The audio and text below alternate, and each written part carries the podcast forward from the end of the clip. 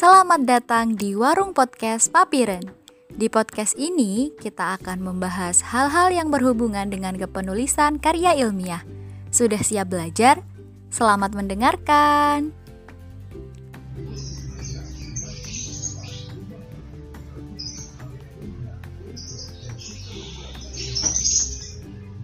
Ya, Assalamualaikum warahmatullahi wabarakatuh. Ketemu lagi dengan saya Erasmus. Kembali lagi di Warung Podcast Papiran.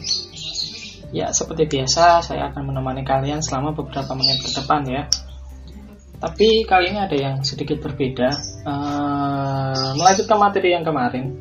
Sebenarnya masih ada sangkut pautnya juga sih, tapi secara isinya itu lebih berbeda ya dari kemarin itu kita hanya membahas teori teorinya yang kali ini kita akan membahas mengenai salah satu hal yang paling penting dalam suatu penulisan karya tulis ilmiah yaitu mengenai kode etik dan kriterianya seperti apa isinya let's check this out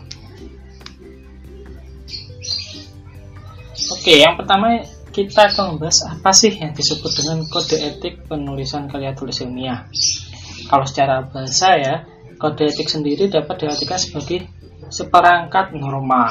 Jadi, kalau dihubungkan dengan penulisan karya tulis ilmiah itu adalah seperangkat norma atau aturan yang berlaku dalam penulisan suatu karya tulis ilmiah, baik itu dari jenisnya yang seperti tugas akhir, skripsi, tesis, disertasi, dan atau artikel-artikel ilmiah yang lainnya. Yang mana eh, seperangkat norma atau aturan ini harus diterapkan dalam pembuatan dan penulisannya. Jadi nggak boleh dilupakan tuh lalu apa aja sih yang termasuk dalam kode etik tersebut atau norma-norma tersebut di antaranya yaitu ini yang paling penting, penggunaan bahasa diksi ejaan bahasa Indonesia yang baku, baik dan benar. Kenapa kok menggunakan bahasa diksi dan ejaan bahasa Indonesia yang baku, baik dan benar? Karena ini dunianya di dunia karya tulis ilmiah ya. Jadi yang digunakan itu bahasa-bahasa yang ilmiah dan penggunaan bahasa yang baku. Jadi bukan yang dipakai itu bukan bahasa-bahasa gaul yang mungkin sering digunakan di karya tulis yang lain seperti misalnya di cerpen atau novel. Tapi tidak menutup kemungkinan kalau kita menggunakan beberapa bahasa yang agak asing atau mungkin menggunakan bahasa daerah, menggunakan bahasa Inggris atau mungkin istilah-istilah lain. Tapi kemudian ketika dimasukkan ke dalam suatu karya tulis ilmiah itu biasanya ditulis dengan miring atau italik yang mana nanti kemudian dijelaskan apa sih makna dari istilah atau e, kata tersebut.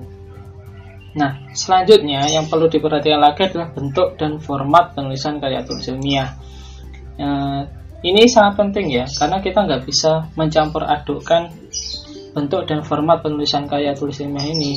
Jadi, misalkan untuk bentuk dan format artikel ilmiah itu nggak bisa dimasukkan atau disamakan ketika kalian menulis tugas akhir atau format penulisan karya tulis ilmiah yang digunakan untuk LKTI atau lomba karya tulis ilmiah itu juga tidak bisa digunakan untuk penulisan skripsi. Dan juga untuk bentuk dan formatnya ini sebenarnya selain ada aturan umum yang jelas seperti misalkan ada format kertasnya dan sebagainya, ada format penggunaan kutipan atau format penggunaan margin atau batas tepi dan sebagainya itu terkadang lebih mengikuti pada lembaga yang menyelenggarakan atau lembaga yang menaunginya.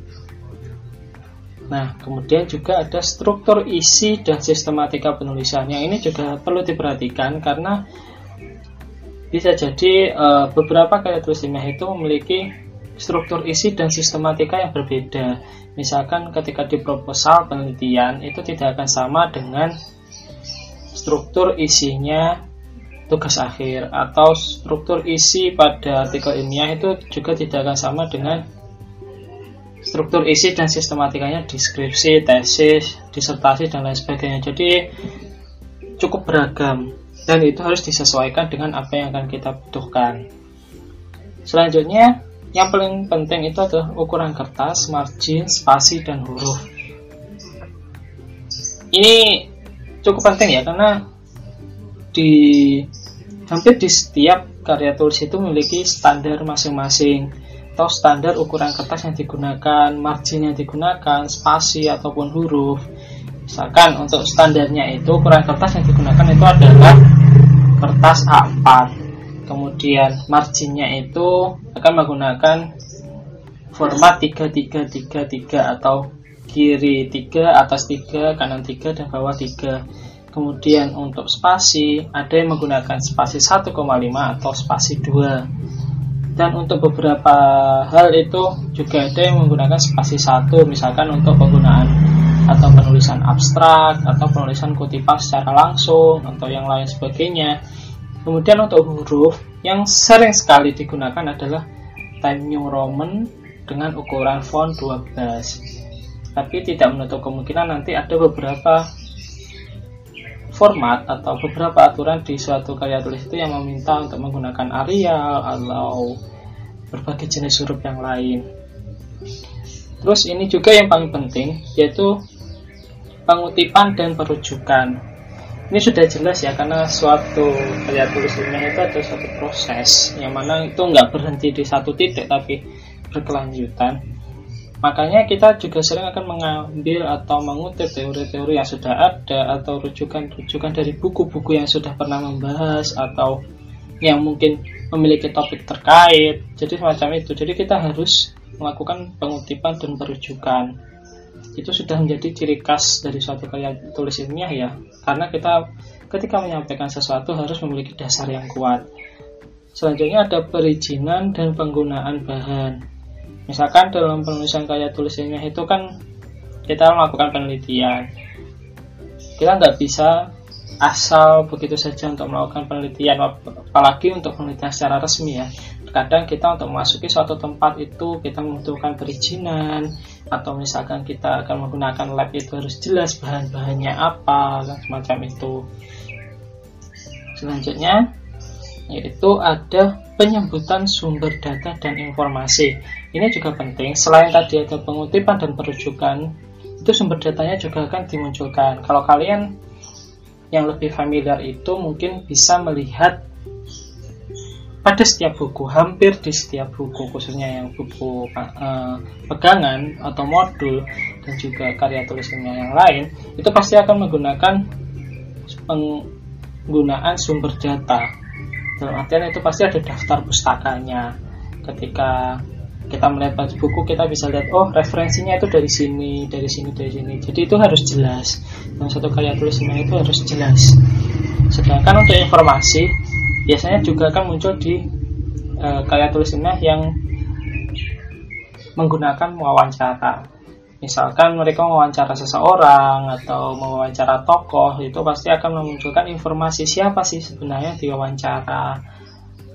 Yaitu statusnya itu sebagai apa kenapa kok penting untuk diwawancarai? Pasti ada kejelasan seperti itu. Ya kurang lebih untuk kode etiknya ada secara umum ada seperti itu. Atau mungkin kalian punya pemikiran lain atau pendapat lain yang bisa menambahkan silahkan. Nah kita sekarang akan berlanjut pada kriteria penulisan karya tulis ilmiah. Tadi kan kode etik tuh sekarang itu kriterianya. Jadi suatu karya tulis ilmiah itu pasti punya kriteria tertentu. Yang pertama itu ada topik. Jadi satu karya tulis ilmiah itu pasti memiliki fokus topik atau fokus tema yang akan dibahas. Jadi mereka nggak lari ke mana-mana. Misalkan suatu kali tulisnya itu membahas mengenai pandemi COVID-19 ya udah fokus atau topiknya di situ. Dia nggak akan membahas mengenai hal lain misal harga harga pasar atau harga-harga makanan yang di mall. Kan itu nggak nggak nggak ada sangkut pautnya kecuali itu nanti akan disangkut pautkan dengan dampak terjadinya COVID-19.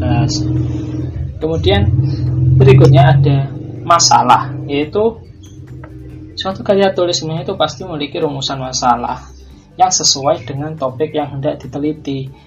Jadi ada permasalahan yang akan dibahas atau akan dicari solusinya terkait dengan topik yang sudah ditentukan di awal. Lalu ada juga berikutnya teori dan kajian pustaka. Nah, untuk memecahkan masalah itu di penulisan karya tulis ilmiah itu dilandasi dengan teori-teori yang diperoleh melalui kajian pustaka. Selanjutnya ada metodologi yaitu untuk merumuskan masalah dan kemudian menjawabnya itu pasti membutuhkan suatu metode. Nah, di sini itu di karya tulis ilmiah itu pasti ada suatu metode atau metodologi yang menjelaskan metode apa yang akan digunakan atau yang digunakan dalam penelitian itu yang sesuai dengan masalah yang akan diteliti. Dan kemudian ini sudah pasti lagi yaitu pasti ada data dan fakta yang mana karya tulis ilmiah itu harus menyajikan data yang berlandaskan fakta yang kemudian akan memunculkan alternatif pemecahan jadi eh, data dan fakta itu dikaitkan dengan teori dan konsep yang sudah kita temukan di awal yaitu teori dan kajian pustaka itu yang kemudian akhirnya nanti akan memunculkan berbagai macam alternatif-alternatif solusi dan yang terakhir ada simpulan dan rekomendasi. Jadi dari sekian panjang uraian dari suatu karya tulisnya itu pasti akan ditutup dengan simpulan atau ibaratnya merangkai benang merahnya itu kayak gimana disimpulkan di situ dan kemudian simpulan itu dapat disusun sebagai suatu saran atau rekomendasi. Dan yang terakhir setelah ada simpulan dan rekomendasi tadi adalah pasti ada referensi yaitu dalam penulisan karya tulisnya itu pasti dilengkapi dengan referensi atau kita lebih mengenalnya dengan daftar pustaka atau juga bisa ditambahkan dengan daftar informan dan lain sebagainya. Oke, untuk kali ini mungkin seperti itu ya kan karena tadi udah dijelaskan kan kode etiknya itu kayak apa terus kriterianya itu kayak gimana jadi kurang lebih isinya seperti itu atau bisa jadi kalian punya referensi tambahan atau mungkin juga punya pendapat-pendapat yang lain yang mungkin bisa kalian tambahkan oke okay. sampai di sini saja perjumpaan kita kurang lebihnya mohon maaf saya Ernest undur diri Wassalamualaikum warahmatullahi wabarakatuh. Wah, seru bukan pembahasan kali ini? Terima kasih sudah mendengarkan sampai akhir. Jangan lupa ya follow kami di Instagram di @k2ipapiran agar kalian tidak ketinggalan konten-konten kami yang lainnya.